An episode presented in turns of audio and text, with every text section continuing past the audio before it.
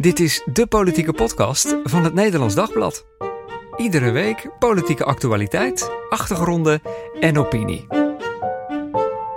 Welkom, dit is de politieke podcast van het Nederlands Dagblad. Ik ben Marien Korterink en deze week hebben we het over de premierskandidaten. In de rubriek Vragen Den Haag zoekt Ilse naar partijoverstijgende vriendschappen.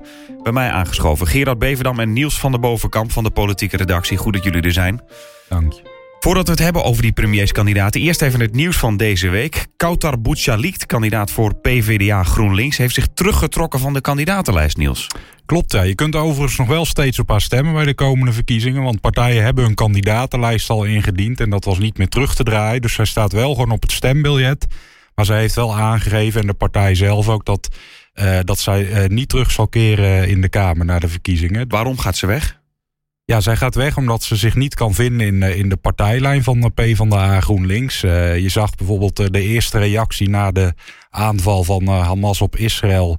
Uh, in tweets van, van Timmermans en, uh, en Klaver, die, die echt heel duidelijk afstand namen van, van, ja, van die aanval. En ook eigenlijk het, het belang van zelfverdedigingsrecht van Israël ook naar voren brachten. En uh, ja, zij miste daarin ook zeg maar, de, de, de, Palestijnse kant van de zaak. En ze zegt, ik heb dat uh, geprobeerd uh, ja, intern te bespreken ook. Maar ze zegt van ja, er is niet echt sprake van partijdemocratie. Dat heb ik in ieder geval niet gemerkt. want ik kom mijn, ja, mijn standpunt daarin te weinig kwijt. En ik voel me daarin te weinig gehoord. Ik vind het ook wel opvallend dat ze eigenlijk hiermee ja, haar identiteit zeg maar, belangrijker maakt dan haar missie eigenlijk als politica. Want ja, ze, heeft natuurlijk, ze zou een hele mooie plek kunnen krijgen, ook in de nieuwe fractie. Want ze stond op 17. Ja. Nou ja, dat gaan ze dat wel halen. Ze ja.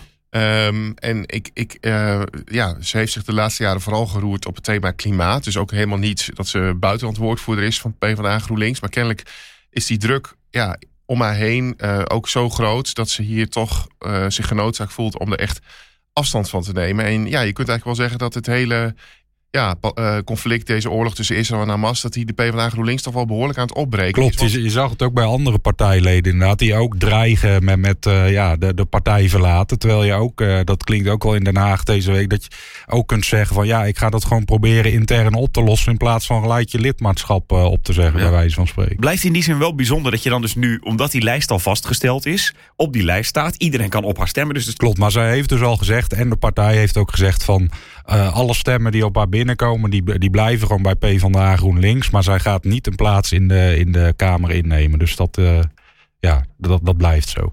Over Israël gesproken, er waren deze week ook een hoop moties over, hè Gerard? Klopt, ja. De Kamer heeft afgelopen dinsdag over 13 moties gestemd. Die uh, waren ingediend en die gingen over het conflict tussen Israël en de, en de Palestijnen. Nou, misschien moeten we vooral zeggen het, de oorlog tussen Israël en Hamas. Mm -hmm. Uh, nou, en dat bleek dus ook een, een zeer gevoelige stemming te zijn. Uh, waar trouwens ook dus PvdA GroenLinks nog steeds heel veel last van hebben. Want ze hebben um, afgelopen donderdag een verklaring doen uitgaan... dat ze beter niet hadden kunnen stemmen voor een motie van SGP-Kamerlid Chris Stoffer. Over, en, en dat ging over zelfverdediging van Israël, hè? Ja, dus uh, het blijkt dus dat het heel nauw luistert hoe die moties zijn geformuleerd. En uh, in die motie van Christoffer stond eigenlijk dat uh, Israël het recht heeft op zelf, zelfverdediging. Dat ze zich daarbij wel moet houden aan het, uh, aan het humanitair oorlogsrecht. Hè. Dat is natuurlijk een term die we heel vaak horen deze dagen. Bijvoorbeeld dat je niet water en zo mag afsluiten. Ja, hè? Dat soort dingen. Maar wat er ook bij stond, er volgde een maar achter. Daar stond namelijk bij dat gezien de, het asymmetrische karakter van deze oorlog... en ook gezien de wijze waarop Hamas deze strijd tegen Israël voert... dat het voor Israël moeilijk zal zijn om zich daar in alle gevallen aan te houden. En dat, uh, nou ja, dat, dat, dat blijkt dus ook na die stemming. De, best wel een brede meerderheid van de Kamer nam die motie aan. Maar daarna is er toch heel veel discussie over ontstaan. Zeker dus ook in de achterban van PvdA GroenLinks. En um, achteraf heeft PvdA gezegd van ja, we hadden beter zelf een motie kunnen indienen om precies te formuleren waar wij voor stonden. We hebben voor de hoofdboodschap van deze motie willen stemmen. Dus inderdaad voor het recht op zelfverdediging van Israël en dat Israël het internationaal humanitair oorlogsrecht moet respecteren. Maar goed, je ziet dat zo'n motie dan toch in bepaalde delen van de achterban worden uitgelegd als kijk eens hoe ja, vermeend anti-Palestijns er wordt gestemd. Wat, wat, wat ik daar wel in vind, Gerard, je ziet wel echt dat de verkiezingstijd is begonnen wat dat betreft. Want partijen slaan elkaar ook wel echt om de oren met die moties. Je zag bijvoorbeeld ook een motie de, over, uh, nou ja, zeg maar, waar, waarin dan in die motie stond van dat, dat, er in principe hulpgoederen en uh, nou ja, etenswaren zo naar, naar Gaza vervoerd zou moeten kunnen worden. Een motie die daartoe opriep. En die werd bijvoorbeeld niet gesteund door SGP en BBB. En daar zag je op Twitter dan nou, enorme ophef over van waarom zou je dat niet steunen. En wat blijkt dan? Er is een soortgelijke motie door Dirk Boswijk van het CDA ingediend die net wat anders geformuleerd is, waar, waar BBB en SGP zich wel in konden vinden. En die hebben ze dan wel gesteund, maar dat wordt er dan niet bij verteld. Maar dat is tegenwoordig een soort maniertje om, eh, om een losse motie in te dienen waarin je zeg maar uh, laat zien van, nou ja, wij, wij deugen zeg maar. En dan maak je een screenshot van de stemmingsuitslag met al die oh, groene en die ja. rode bolletjes, hebben we allemaal eens gezien. En dan wordt dus gezegd, kijk eens hoe er wordt gestemd. En dan wordt er dus helemaal niet de context bekeken van die stemming... en welke andere moties er En waarom mensen zeggen van, ik wil dit niet steunen... omdat ze bijvoorbeeld één heel klein deel zeggen van... nou, dat moet anders, of... Ja, en er was van de week inderdaad een Kamerlid dat tegen me zei van... ja, goed, uh, nu, nu moet uh, Caroline van der Plas eens een keer uitleggen... waarom ze tegen een bepaalde motie heeft gestemd. Maar zij heeft zelf dat middel, zei dat Kamerlid tegen mij... ook wel eens gebruikt om bijvoorbeeld rond landbouw... te laten zien hoe andere partijen stemmen. Ja, klopt. En, en, en, en dat is eigenlijk, ik bedoel, we hebben nu een hele discussie gehad hè, over, over, over hoe onafhankelijk wordt er bericht over de oorlog in Gaza. Ook naar alleen van die aanval op het ziekenhuis en wat zat daar nou precies achter. En tegelijkertijd zie je vanuit de Kamer dat er best wel heel veel eigenlijk toch wel desinformatie wordt verspreid door één losse motie en naar de stemmingsuitslag van uh, online te gooien en dan te zeggen van kijk eens hoe er wordt gestemd zonder de context erbij te vermelden. Klopt, dit gebeurt aan alle kanten. Ik kan me niet aan de indruk onttrekken dat, dat het in verkiezingstijd nog wat meer gebeurt dan normaal gesproken. Want ik zie het de afgelopen weken best wel veel voorbij komen. Ja. Maar ja, juist bij dit onderwerp zie je dus dat het zo heet gebakend is dat een partij als PvdA GroenLinks ja, echt wel alle zeilen moet bijzetten, heb ik de indruk. Ook met zijn verklaring nu op de website. Echt een lange verklaring van, ja, eigenlijk een soort van sorry dat we voor deze motie hebben gestemd. Ja. Terwijl aan de andere kant kun je erin vermoeden dat, ja, dat, dat PvdA GroenLinks hier aanvankelijk ook niet tegen wilde stemmen. Omdat zij toch wel heel duidelijk ook, hè, de PvdA kennen we toch ook wel als een partij met een grote Joodse achterban dat ze toch ook wel duidelijk willen laten zien dat ze het recht op zelfverdediging van Israël willen steunen. Ja, ja, het is een ingewikkelde conflict en dat zie je ook in de politiek. Um, we gaan het er nog over hebben, want we hebben het deze week over de premierskandidaten. En er wordt ook wel geklaagd hè, dat je daarover niet moet praten, want dat is allemaal heel voorbarig. Hoe kijken jullie daarnaar? Ja, ik, ik vind dat altijd een beetje. Uh, ik, bedoel, het is heel logisch dat uh, na, na 13 jaar uh, premier Rutte. afgelopen zaterdag was hij dat precies 13 jaar. Ehm, ja, dat mensen uitkijken naar een nieuwe premierskandidaat. Ik bedoel, heel veel mensen kennen niemand anders, hebben niemand anders gekend dan premier Rutte. En dan is het ook gewoon ja, interessant om te kijken welke kandidaten er klaarstaan. En ja, wie uh, in de toekomst het land gaat leiden. Dus ik vind het uh, heel logisch dat het daar ook over gaat. BBB-leider Caroline van der Plas zegt dan bijvoorbeeld wel eens, ja, dit, gaat, dit zijn in eerste instantie verkiezingen voor de Tweede Kamer. En daarna zien we wel verder. Maar goed, zij heeft net zo goed met Mona Keizer ook een premierskandidaat naar voren geschoven. Dus uh, laten we niet doen alsof het heel gek is om het over premierskandidaten te hebben. Tegelijk denk ik dat het ook wel iets zegt over de huidige stand van onze democratie. En over hoe, hoe campagnes tegenwoordig werken. En gezichten van uh, lijsttrekkers van ja, mogelijke premierskandidaten misschien wel. Die zijn toch steeds belangrijker geworden. Want vergeet niet, uh, nog niet eens zo heel lang geleden stonden bijvoorbeeld gezichten van partijleiders vaak helemaal niet op verkiezingsposters. Dat is echt wel. Dan was het echt gewoon de partij. Ja, daar stem je, je stemde ja. op de partij, op een programma. En daar stemde je ook vaak uh, herhaalde malen op. Nou, je ziet nu dat het karakter van verkiezingen echt wel is veranderd. En dat mensen dus ook wel het gevoel willen hebben, in ieder geval een deel van de kiezers, dat je via je stem voor de Tweede Kamer toch ook indirect invloed uitoefent op wie er in dat torentje terecht gaat komen. En wat partijen natuurlijk hopen, zeker grotere partijen, is dat er een soort strijd om dat torentje ontstaat, waardoor ja, een soort tweestrijd of een driestrijd ziet ontstaan, wat we nu eigenlijk in de peilingen zien. Hè. Dus er zijn toch eigenlijk drie partijen die nu wedijveren om wie wordt de grootste. En dan zul je dus gaan zien dat mensen, als dat zo blijft, dat, dat een deel van de kiezers ja, wellicht strategisch stemt om invloed te hebben op wie er in dat torentje terechtkomt. Ja, en daar gaan we het dus over hebben, die premierskandidaten. Nog even, het Nederlands Dagblad heeft een peiling gedaan onder eigen lezers. Hoe is die peiling gedaan? Klopt, ja, die peiling is al onder ongeveer duizend uh, lezers uh, uitgezet. Uh, en ja, daarin zijn verschillende vragen gesteld. Onder andere ja, wie ND-lezers als meest geschikte premierskandidaat zien. En toch wel opvallend is dat ja, Frans Timmermans daar met zo'n 45% uit mijn hoofd... als meest geschikte premierskandidaat wordt gezien. De omzicht met zo'n 36 procent.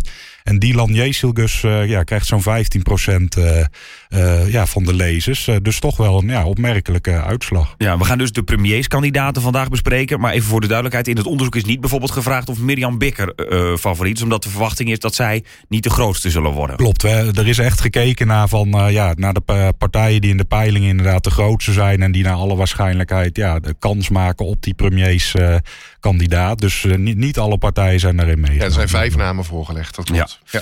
Um, laten we de kandidaten vandaag eens één voor één bekijken... en kijken wat ze de christelijke kiezer dan te bieden heeft. We beginnen met nou, de favoriet dan namens uh, die duizend.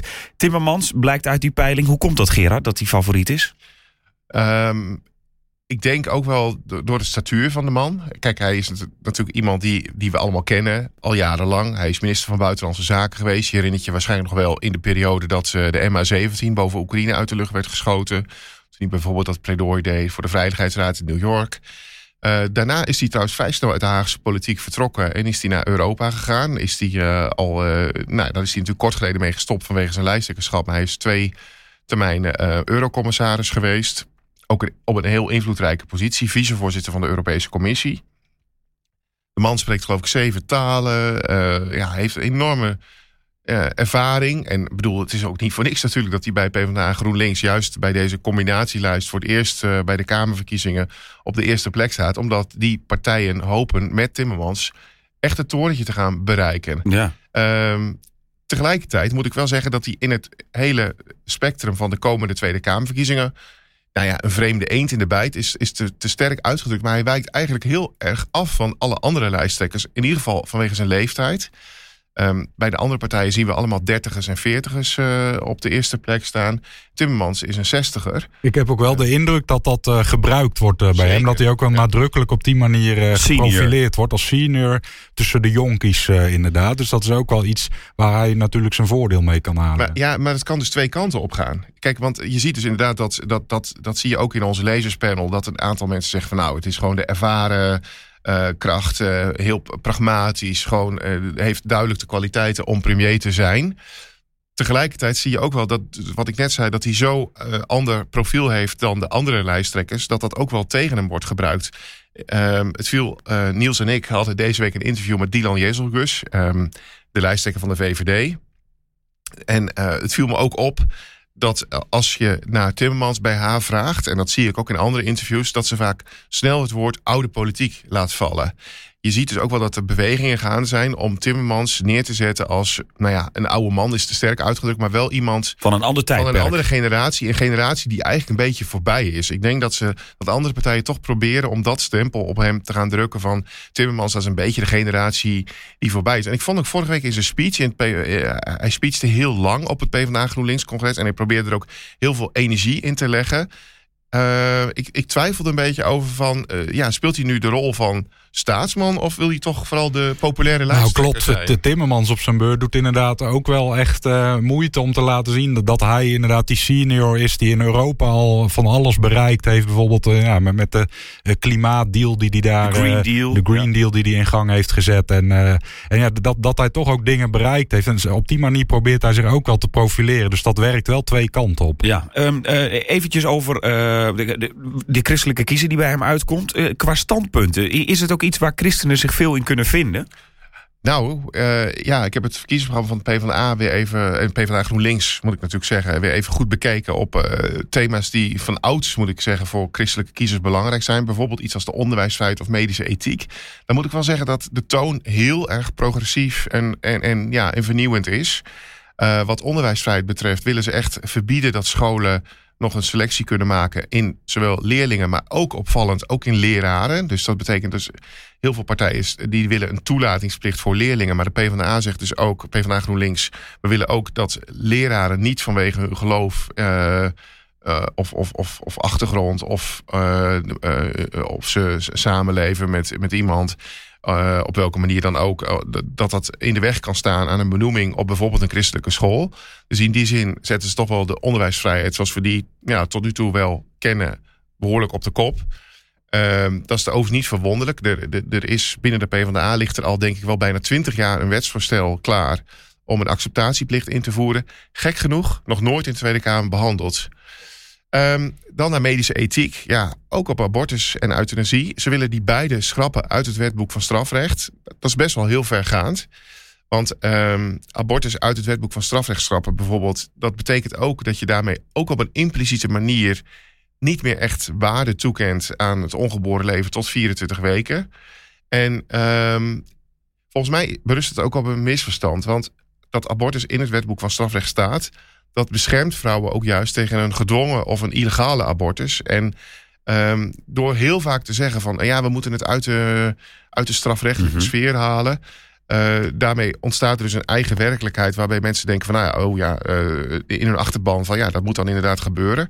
Maar ik denk dat, dat, dat, dat het op een misverstand berust. En dat ze daarmee ook iets weggooien wat heel waardevol is. Ja. Nog heel kort eventjes hier over deze, want we moeten ze allemaal natuurlijk uh, benoemen. Uh, kan het ook gewoon zijn dat de christelijke kiezer... dat die misschien het dichtst qua gewoon achtergrond links, sociaal. Uh, nou, wat, ja, natuurlijk logischer klopt, uitkomt dan VVD bijvoorbeeld. Wat uit dat onderzoek heel duidelijk naar voren kwam... is dat ND-lezers klimaat als echt belangrijkste thema zien deze verkiezingen. En dat ze Timmermans daarin ook als beste vertegenwoordiger zien. Dus dat hij ja, door, door die ND-kiezers wordt gezien als iemand die dat, ja, het, het klimaatbeleid op een geloofwaardige manier kan vormgeven. En dat was ook voor verreweg de meeste kiezers de reden dat zij hem ja, als meest geschikte kandidaat zijn. En qua solidariteit en, en, en ook op het migratievraagstuk dat uh, de lezers toch ook wel in meerderheid aangeven dat ze niet verder rechtsaf willen. Ja. Um, dan naar eh, ja, degene die eh, qua migratie in ieder geval wel wat anders erin staat, denk ik. Die hebben jullie afgelopen week uitgebreid gesproken. Gerard en Niels, Jeziel Gus van de VVD. Hoe was dat? Nou, uitgebreid zou ik niet willen zeggen. We, we hebben haar een half uur kunnen spreken. En zij is, natuurlijk heel erg druk. Naast dat is voor haar doen misschien uitgebreid. Dat is voor haar doen. Nou ja, zij, zij is natuurlijk naast uh, lijsttrekker en partijleider van de VVD... is zij ook nog steeds demissionair minister van Justitie en Veiligheid. Dus ja, ze heeft een hele volle agenda. Maar goed, wij hebben haar een half uur kunnen spreken. En uh, ja, daarin is ook wel heel duidelijk te merken. Als, je, als jij gaat vergelijken met haar voorganger uh, Mark Rutte. Uh, ja, kun je denk ik wel met recht stellen dat zij ja, e-, echt wel een best wel een hele rechtse VVD'er is. En dat ook de thematiek die zij graag behandelt, uh, veiligheid, ook in het Israël-Palestina-conflict, heeft ze een hele duidelijke visie, die ze ook in ons interview naar voren heeft gebracht. Is dat zij toch wel echt die klassieke liberale VVD'er is, ja, die heel veel mensen binnen de VVD ook graag zien. En dat verklaart ook, wat, denk ik, waar, waarom die VVD ook het in de peilingen nog steeds heel erg goed doet. Ja, want ik denk dat veel mensen toch misschien hadden gedacht... Rutte gaat weg, dan stort de VVD in. Want er werd jarenlang gezegd natuurlijk... er is niet echt een natuurlijke opvolger. Klopt, ja. Maar wat zij denk als voordeel heeft... is dat Rutte natuurlijk op enig moment... ja, door, door alle coalities die hij gevormd heeft... Uh, ja, dat zijn eigen VVD-geluid uh, wat verwaterd is. Dat was ook vaak de kritiek op Rutte. Dat hij met alle winden meewaaide... en dat, hij, uh, dat het niet uitmaakte of hij met GroenLinks... of met, met het CDA regeerde, bij wijze van spreken. En wat, wat Dylan Jeestelgus bijvoorbeeld ook in onze interview zei. zei ja, ik, ik hou niet van waterige compromissen. Ik wil gewoon, zeg maar, waar ik voor sta. Ja, dat, dat, dat wil ik, daar, daar wil ik ook voor staan. En dat wil ik ook in beleid doorvoeren. Dat is natuurlijk ook wel wensdenken. Want in Nederland is het niet zo dat je even je hele eigen partijprogramma kunt doorvoeren. Behalve als je 78 zetels haalt. Precies. ik denk dat dat wat hoog ingeschat ja, ja, is. Maar goed, dat, dat biedt wel kansen voor haar. Dat zij wel dat klassieke VVD-geluid weer wat beter voor het voetlicht kan brengen dan Rutte de afgelopen jaren heeft gedaan. Ik denk dat de VVD een hele goede keuze heeft gedaan met haar als lijsttrekker. Ze hadden ook niet heel veel andere keus. Want uh, er zijn natuurlijk heel veel talenten ook wel verloren gegaan in al die jaren. Doordat ze door op moesten stappen. Klaas Dijkhoff bijvoorbeeld. Ja, die is dan zelf opgestapt natuurlijk. Ja, maar, die dacht uh, misschien ook het duurt met te lang. Ja, nou ja, goed. In ieder geval. Uh, maar goed, zij is natuurlijk het voorbeeld van iemand die succesvol is geïntegreerd. Dat is natuurlijk voor de VVD heel aantrekkelijk om te laten zien. Dat kan ook op een goede manier gaan. Dus ook wel Want ze is van Turkse kom af, hè, oorspronkelijk. Ja, ze is, ja. Uh, daar, daar, heeft ze het zelf liever niet zo heel veel over. Maar ze is als jong meisje op zevenjarige leeftijd vanuit uh, Turkije... in een bootje naar het Griekse eiland Kos gevlucht. Met haar moeder, als ik het goed herinner. En daarna is ze naar Nederland gereisd... waar ze waren uitgenodigd als politieke vluchtelingen. Dus ze hebben wat dat betreft ook wel echt een goede start hier kunnen maken. Anders dan andere vluchtelingen. Als je uitgenodigd bent, dan, ja, dan, dan heb je meer mogelijkheden. Um, tegelijkertijd uh, moet ik ook wel zeggen, we hadden het even over dat, de, dat de, of de, de VVD toch wel hoog blijft in de peilingen. Er is voor de wat rechtsere kiezer die niet op een protestpartij wil stemmen, is er ook eigenlijk geen alternatief. En dat is. Uh, eh, ik denk dat dat ook gewoon meespeelt. Dat, dat de VVD toch eh, ja, behoorlijk de populariteit weet vast te houden. Al is het niet meer op het niveau wat het een aantal jaren geleden was. Maar uh, ja, het zit allemaal nu een beetje tussen de 25, rond de 25 zetels. Maar dan zitten eigenlijk de andere con directe concurrenten ook op. Ja, ik zag recent ook in een, uh, in een, in een, uh, een, onderzoek van Ipsos, geloof ik, dat, dat kiezers ook heel belangrijk vinden in deze woelige tijden. Nou ja, stabiel bestuur. En dat zij in de VVD ook een partij zien die dat als geen ander kan vormgeven. Dat dat voor heel veel mensen ook reden is om ja, op die partij te stemmen. Ja. Dan nog even die christelijke kiezer, medisch-ethische standpunten. Jij noemde ze net bij de PvdA GroenLinks. Bij de VVD is het wat meer zoeken naar wat ze daarvan vinden. Hè? In het Klopt, ja. Ik, ik, heb, uh, ja. ik heb het verkiezingsprogramma ook even doorgenomen van de VVD. En uh, eigenlijk heel opvallend als je zoekt bijvoorbeeld op medische ethiek of abortus. is eigenlijk maar een, ja, een heel klein gedeelte aan, aan die medische ethiekparagraaf gewijd. Er staat bijvoorbeeld wat in over uh, euthanasie. En, en ja, dat is wel echt een, uh, ja, een uh, nogal liberale visie uh, daarop. Dus ja, voor de christelijke kiezer zal, zal, dat niet heel erg aantrekkelijk zijn. Nou goed, nou bleek uit dat onderzoek ook dat het ND-onderzoek dat zo'n 15% het ook in, maar in A ziet zitten als, als premier. Dus ik denk ook niet dat zij een hele logische kandidaat is. Uh, maar goed, ik denk als mensen het partijprogramma gaan bestuderen... dat ze daar niet per se enthousiast van Ja, een logische kandidaat voor ND-lezers bedoel je? Ja. Ja, want de, de kans dat ze premier wordt is... Moet ja, zeker. Nee, ik heb het over de ND-lezers. Ja. ja, en die 15 procent, dat is dan misschien nog bijvoorbeeld mensen die moeite hebben met migratie. Uh, want dan kom je al snel bij de VVD misschien uit. Dat was ook wel een van de opvallende uitkomsten uit dat onderzoek. Dat de ND-lezer eigenlijk best wel nou ja, heel erg genuanceerd, zou je kunnen zeggen... denkt over, die, uh, over het asielvraagstuk. Dat, dat er eigenlijk Misschien zou je verwachten dat, dat de gemiddelde ND-lezer wel, ja, wat, wat, wat linkser is op dat uh, asielvraagstuk. Maar dat bleek toch ook wel dat heel veel mensen ook wel vinden dat er goed moet gekeken worden naar de instroom van asielzoekers. En dat we ook ja, dat, dat er grenzen zitten aan wat we hier aan kunnen. Dat, dat ontstond eigenlijk best wel een gemiddeld beeld. Uh, Trouwens, nog even over die medische ethiek. Het viel me wel op dat, dat de VVD dus inderdaad in het verkiezingsprogramma daar niet zo heel veel over schrijft. Tegelijkertijd weten we dat bijvoorbeeld de huidige fractievoorzitter Sofie Hermans met D66er uh, Jan Paternotte een wetsvoorstel in voorbereiding heeft om embryo-kweek uh, mogelijk te maken. Dus in die zin uh, ja, is het op zich wel duidelijk dat de VVD op medisch-ethisch terrein wel wat meer in de, in de, of ja, echt wel in de progressieve hoek zit. Ja. Voordat we het zo hebben over de andere premierskandidaten... die van Nieuw Sociaal Contract en BBB... en misschien moeten we Geert Wilders ook nog even benoemen... eerst naar Ilse, die vandaag op zoek gaat naar vrienden. Vraag het Den Haag.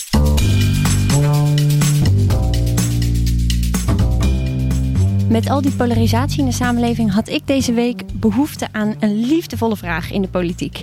En daarom ga ik Kamerleden deze week vragen of zij een beste politieke vriend hebben. En zo ja, wie dat dan is. Meneer Valstar van de VVD, wie is uw beste politieke vriend? Mag niet van de VVD zijn. Um, nou, beste vriend zou ik niet willen zeggen, maar ik uh, kan het over het algemeen wel uh, goed vinden met uh, Pieter Grimwis. maar dat komt ook omdat deze man ja, um, zeer hoog in aanzien uh, staat bij mij. Wij denken altijd als VVD'ers dat we heel druk zijn. En dan kijk ik naar Pieter Grimwis. Die heeft uh, LNV, financiën, uh, en energie en klimaat. En, en die blijft altijd met een grote glimlach hier door het pand lopen. Blijft ook altijd vriendelijk. We komen niet bij elkaar over de vloer of op de koffie. Maar als, als ik iemand waarvan ik zou denken... daar zou ik best bevriend mee kunnen zijn... dan zou dat Pieter Grimwis zijn. En als jullie met elkaar praten... gaat het dan vooral over inhoudelijke zaken of is het ook gezellig? Um, het is ook gezellig, maar het gaat vaak natuurlijk wel over de politiek. Ik loop hier over de gangen bij de ChristenUnie. Nou, gelukkig zie ik het Nederlands Dagblad liggen. Dat doet me deugd. En ik ga even kijken of Pieter Grinwis daar zit. Maar de gang is nog best wel stil. Even kijken. Nee, dat is jammer. Um, dan ga ik even beneden naar de statenpassage waar petities worden aangeboden. Misschien staat hij daar. Nou, Pieter Grinwis, wat leuk dat ik u tegenkom. Weet u wie uh, Peter Valstar net noemde als zijn favoriete politieke collega? Ik heb geen idee, maar ik begin een vermoeden te krijgen omdat je het aan me vraagt. Nou, dat bent u. Nou, wat leuk, wat leuk. Nou, ik werk inderdaad super uh, fijn samen met Peter. Peter woont eigenlijk maar een paar kilometer verder in het Westland. Ik in Den Haag. Dat is eigenlijk een onoverbrugbare kloof, maar toch weten we elkaar heel goed te vinden. En ja, en we zijn echte matties als het gaat om de strijd voor een uh, mooie glastuinbouwsector in Nederland die duurzaam verder kan. Nou, dat noemde hij inderdaad ook. Heeft u uh, zelf een politieke vriend van een andere partij? Poeh. Moet u eigenlijk ook Peter Valstar noemen natuurlijk. natuurlijk, ja. Nee, ik werk super fijn samen met Peter Valstar. Met ook een VVD-collega Silvio Erkens. Maar met wie ik de afgelopen jaar heel mooi heb opgetrokken. En ik wil hem met ere noemen, want hij neemt binnenkort afscheid van de Kamer. Is Henk Nijboer van de Partij van de Arbeid. In het trappenhuis kom ik Joost Eertmans tegen. Meneer Eertmans, met wie buiten uw eigen partij kunt u het nou echt heel goed vinden? René Peters Die is van de... van het CDA. Het is een leuke collega en iemand die eh, hard op de goede plaats heeft. En eh, altijd, altijd eh, fijn om ook even achter de schermen met elkaar te kunnen babbelen. Dat is een goede collega, maar zou u hem ook als vriend noemen? Nou, de vrienden in de politiek. Alleen vrienden op werkdagen. ja, precies. Ja, politieke vrienden. Ja, denk dat je het daarover over hebt. En eh, als u met hem spreekt, gaat het dan vooral inhoudelijk of is het ook meer een gezellige babbel? Maar ja, ook inhoudelijk zeker wel. Want hij is bijvoorbeeld ook heel druk met onderwijszaken. dat eh, hoort er ook bij. En eh, ja, gewoon ook over de, de beslommering in het leven, weet je. Over dingen die hier gebeuren. En niet direct dat je die in de openbaarheid zegt. Maar gewoon elkaar een beetje aanvoelen. En helaas vertrekt inderdaad René Peters. Gaat u hem missen? Ja, denk het wel. Nou, ik ben in ieder geval weer een beetje opgekikkerd door al deze liefde. Mijn aller, aller, allerbeste collega is natuurlijk Marien Korterink. Maar ja, dat moet ik zeggen, want anders had dit rubriekje natuurlijk helemaal niet in de podcast gezeten. Een beetje politiek correct, maar Ilse geheel wederzijds natuurlijk. Ja, en heb je nou ook een vraag voor Ilse waar je graag antwoord op wil? Mail hem dan naar podcast.nd.nl. Ja, dan gaan we naar Nieuw Sociaal Contract, de partij van Pieter Omzicht. Nog steeds geen premierskandidaat. En dan ga je toch denken, die wil of gaat het uiteindelijk toch zelf doen als die de grootste wordt, of niet? Je gaat inderdaad meer en meer denken dat eh, ja, Pieter Omtzigt eh, zijn eigen premierskandidaat is. Ehm, hij heeft natuurlijk bij het, eh, bij de, ja, het eh, lanceren van zijn partij heeft hij gezegd van ik, ben, ik, ja, ik wil het liever niet zelf doen. Een paar weken later eh, kwam hij daar eigenlijk al een beetje op terug. Zei hij van nou ja, we moeten ook gewoon kijken of er geschikte kandidaten zijn daarvoor. En liet hij het verder een beetje in het midden. Maar goed, in, intussen zijn we weer een paar weken verder. En is er van een premierskandidaat nog steeds geen sprake. En ik las daar wel een, een aardige artikel over van oud-VVD-campagne-strateeg Mark Die schrijft elke week een, een, nieuwsbrief over de campagne. Nou, hij heeft, bij, bij de VVD heeft hij dat zelf jarenlang gedaan. Dus hij, hij weet als geen ander hoe dat werkt. En hij zei, ja, dit is ook gewoon een, kan een hele tactische zet zijn van ontzicht. Om gewoon heel lang in het midden te laten van of hij het zelf überhaupt wil gaan doen. En dat dan helemaal aan het einde, dat, dat hij dan kan zeggen van ja, uh, we hebben niemand kunnen vinden. En er wordt zoveel een beroep op mij gedaan dat ik het toch maar zelf moet gaan doen. Ja. En die kant gaat het wat mij betreft wel een beetje uit. Of is hij ook geschrokken van hoe dat bij BBB is gegaan? Dat hij denkt van nou, daar was, was niet iedereen even enthousiast over. En dat hij denkt, nou, dat kan dus ook gebeuren. Dat weet ik niet. Dat weet ik niet. Ik, ik, ik vind het wel opvallend dat wij. Uh, we hadden eerder dit gesprek over hè, dat personen steeds belangrijker worden op het verkiezingsbiljet. En dat is toch wel heel opmerkelijk dat, dat, dat bij Omzicht nog steeds niet heel veel meer is dan Pieter Omzicht. En dat dat uh, goed scoort in de peilingen. En dan zegt hij altijd: Mijn boek, daar, daar kan ja, je al een beetje zien wat ik wil. Hè? Dat zegt hij dan. Er is een boek en er is een grondslagendocument. En natuurlijk heeft hij zich over een aantal belangrijke verkiezingsthema's echt al wel uitgelaten. Maar dit weekend bijvoorbeeld gaan we het eerste debat zien. Het eerste grote debat tussen vier uh, politici. Uh, Timmermans, Jezelgus, um, Van der Plas en Omzicht. Bij College Tour. En ja, waar moeten de andere partijen zich precies op voorbereiden? Want er is geen programma. Waarschijnlijk komt het programma van Omzicht pas over een kleine twee weken. En dat is toch wel heel op, opvallend. Dat, je... dat is drie weken voor de verkiezingen ongeveer. Ja, nou, ja, ja. precies. En ook de gang van zaken, zeg maar, de volgorde daarin. Uh, sinds, sinds afgelopen week kunnen mensen zich wel aanmelden als lid van de partij. Maar goed, ja, ze, ze weten nog steeds niet wat het partijprogramma is. Dan word je dus... lid van een partij en dan vraagt iemand... voor welke partij ben je lid geworden en waar staan die dan nou? In, inderdaad. Dan, ik, gezien moet je dan zeggen... ja, dat is nog niet helemaal bekend. Nee, ik heb er deze week even over gebeld met, met de voorlichter van de NSC. En die zei van ja, weet je, het is echt zo uh, dat, dat wij... we zijn zo enorm druk geweest met alles... dat we ja, pro proberen de eerste dingen die we moeten regelen als eerste te doen. En daarna dat partijprogramma, dat gaat er echt komen. Alleen dat heeft gewoon heel veel voeten in de aarde. En dat willen we op een zorgvuldige manier doen. Dus ja, dat, dat, dat, gaat er echt van komen, maar nu nog even niet. Maar goed, ik kan me niet aan de indruk onttrekken dat ook daar strategie achter uh, zit. Want wat Gerard net zegt. Ik bedoel, hij, hij, is op geen enkele manier nog aan te vallen op inhoudelijke standpunten. En hij houdt nog ja, helemaal in het midden, uh, ook op gevoelige thema's waar hij nou precies voor staat. En hoe langer hij dat kan doen, hoe gunstiger dat normaal gesproken voor hem uitpakt. Want in de peilingen heeft hij ja, nog geen enkele reden tot klagen op het ja, moment. precies. Laat ik een heel concreet voorbeeld noemen. Wat gaat hij met de landbouw doen? Met stikstof? Nou, dat, dat is wel aardig dat je dat noemt. Er was afgelopen week een, een groot landbouwdebat. En daar, daar was de nummer 20 uh, uit mijn hoofd van NSC afgevaardigd. Dat is uh, melkveehouder Harm Holman. En die heeft daar best wel wat opmerkelijke dingen gezegd... waaruit een beetje af te leiden is waar, ja, waar de partij voor staat. Zo noemde hij onder andere ja, dat zijn partij vindt dat, dat de veestapel ingekrimpt moet worden. Wat onder boeren echt een heel gevoelig thema is. Waarop je ook zag dat Caroline van der Plas gelijk de volgende dag in, uh, nou, daarop inspeelde. Door te zeggen van nou kijk, dit is wat NSC uh, hiervan vindt.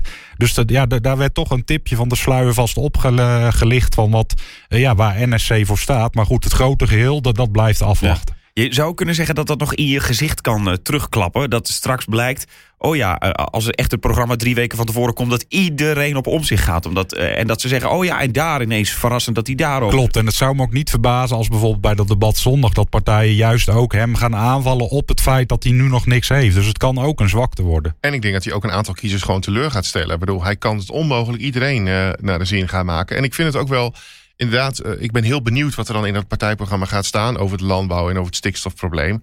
Want uh, nou ja, Pieter Omtzigt komt wel uit een politieke familie uh, van het CDA voort, die ook rentmeesterschap heel hoog in het vaandel heeft staan. dus ik ben ook benieuwd of die, of die, die, die kernwaarden, of die, die ook terug laat komen op dit thema. Ja. Ik ben nog wel even benieuwd. Ik, ik, was op zich verrast dat uit die peiling onder de lezers dus bleek... dat Timmermans populairder is dan misschien Pieter Omzicht. Omdat hij qua christelijke normen en waarden, qua CDA-gehalte misschien... in die zin dichter bij de achterban staat. Ja, klopt. Maar, maar ook dat is gewoon afwachten natuurlijk uh, ja, wat het verkiezingsprogramma da, da, daarin uh, ja, laat zien. Het is wel grappig. Wij spraken uh, een paar weken geleden spraken we Eddie van Heijem. die is eigenlijk een beetje baas verkiezingsprogramma bij NSC. En oud-CDA. En oud-CDA inderdaad. En die zei ja, ik, ik lees bewust geen andere verkiezingsprogramma's. Dus ook niet van het CDA. Omdat wij echt helemaal onze eigen visie willen vormgeven. En dus niet willen kopiëren van andere partijen. Maar goed, ja normaal gesproken zal er op bepaalde thema's heel veel overlap zijn met, uh, ja, met het CDA. Want het gedachtegoed is daar nou, nou, aan gelieerd, uh, op zijn minst. Waarin, waarin merk je dan dat het minder christelijk is dan bijvoorbeeld het CDA? Uh, het is wat implicieter. We hebben daar een tijdje terug ook daarover geschreven. Over bijvoorbeeld het grondslagendocument. Er zitten wel verwijzingen in naar bijvoorbeeld de zeven deugden. Naar bepaalde encyclieken van, van Pausen uit het verleden. Um, maar ook naar heel veel andere geschriften. Uh, dus ja, je, merkt wel elementen daarvan terug, maar het is geen uh, voluit christendemocratische partij. En dat, dat, dat willen ze ook niet zijn. Uh, we hebben ook daar laatst een, uh, een, mooi artikel over geschreven met een aantal kandidaten, ook samen met Niels. En daarin gaan we mensen ook duidelijk aan van nee.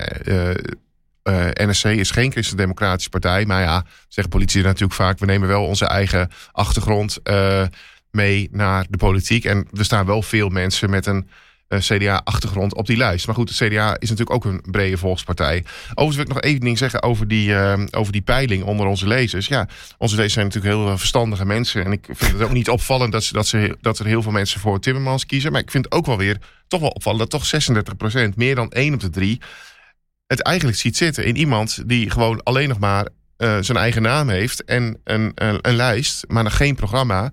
En dat toch al 36% van de ND-lezers zegt...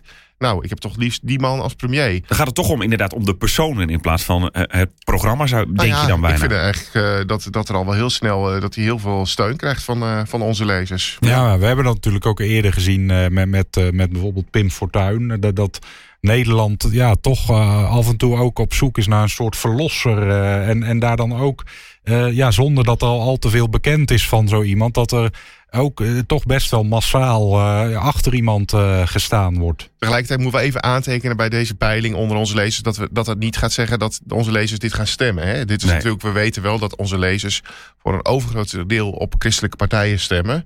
Dus uh, dit, dit ging echt om de vraag: wie zie je het liefst als premier? Ja. Um, de laatste nog eventjes benoemen, of de, eigenlijk de ene laatste, want ik wil Wilders zometeen toch nog even noemen. Caroline van der Plas, de partij BBB. Die hebben natuurlijk een premierskandidaat. Maar de kans dat zij premier wordt, Mona Keizer, is, is steeds kleiner aan het worden, lijkt het, hè? Dat klopt. Ik, uh, ik zie dat niet meer gebeuren. Um, uh, je, ziet eigenlijk dat BBB um, een beetje over het hoogtepunt heen is. Hebben natuurlijk gewoon heel veel concurrentie van Omtzigt. Niet voor niets heeft Caroline van der Plas heel lang geprobeerd om Omtzigt in haar kamp te trekken. Um, Omtzigt heeft dat niet gedaan. dat schijnt ook nooit een uh, serieuze overweging van hem te zijn geweest. Ehm, ja, goed. Mona Keizer, ook een oud CDA, die dus op nummer 2 staat nu bij BBB. Die eh, gaf afgelopen week een interview aan uh, onze collega Ilse Brandeman. En um, daarin viel me ook wel op dat, uh, ja, dat BBB toch nog wel voor een groot deel een protestpartij is. Um, gevraagd naar wat is nu echt jullie samenlevingsvisie? Toen zei ze van ja, uh, wij hebben echt wel iets waar we gezamenlijk voor staan. Dat is noberschap. Uh, dat is dat we moeten letten op het wantrouwen in de maatschappij. Maar ja, Norberschap, ja, ik kan het uitspreken als geboren Twentenaar. die, uh, dat, is natuurlijk, ja, dat is natuurlijk geen politieke visie. Dat is, dat is gewoon een, een volksaard of een, een waarde in een samenleving. die net zo goed gedeeld wordt door SGP'ers, mensen van de ChristenUnie. als door mensen die PvdA of GroenLinks of wat dan ook. Je moet voorkomen dat het een lege. Het, is, het kan als een lege huls overkomen. Norberschap betekent gewoon dat je elkaar als buren of als wijkgenoten helpt. als, het, als dat nodig is. En dat is natuurlijk fantastisch. Maar dat is niet een dat is niet een politiek programma of zo. En dus dat, uh, ik vind dat daarmee ook wel een beetje um, het laat zien dat, dat er nog heel weinig basis onder BBB zit. Uh, dat zie je trouwens ook in het programma terug als je het hebt over die christelijke thema's. Over de vrijheid van onderwijs. Ik heb er uitgebreid naar gezocht. Ik kan er helemaal niks over vinden in het programma van BBB. Ze zeggen bijvoorbeeld dat het heel belangrijk is dat scholen behouden blijven in kleine kernen. Maar of dat dan een christelijke of een openbare school moet zijn, daar lees je helemaal niks over.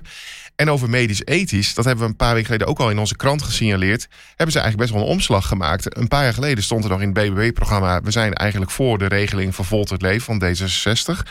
En nu zie je dat ze echt een heel terugtrekkende beweging hebben gemaakt. Ze noemen abortus nog wel een belangrijk recht. Maar wel dat er niet lichtzinnig mee moet worden omgegaan. En hetzelfde schrijven ze eigenlijk over euthanasie. En uh, ja, dus uh, een heel behouden koers. En wat ze daar ook elke keer bij onderstrepen is... onze Kamerleden zijn straks vrij om te stemmen wat ze willen. Overigens claimt Caroline van der Plas dat ze daarmee iets heel bijzonders doet. Namelijk dat ze haar Kamerleden ja, vrij, vrij laten. Maar eigenlijk ja, doet bijna elke partij dat op dit soort hele gevoelige medisch-ethische kwesties. Dat ze zeggen van uh, iedereen mag stemmen overeenkomstig zijn of haar eigen geweten. Wat ik ook wel opvallend vond, Gerard, in dat interview eh, van Eels inderdaad met Mona Keizer... is er ook wel een beetje de geagiteerde toon die zij aanslaat. Bijvoorbeeld Eels stelde de, denk ik zeer terecht de vraag van ja, uh, u, u, was in de zomer, schreef u nog mee aan een uh, Europees verkiezingsprogramma voor het CDA. Een maand later was, was u bij de BBB plots. hoe, hoe kan dat zo snel? Ja, en daarop dreigden ze het interview stop te zetten en ze wilden er niet meer over praten.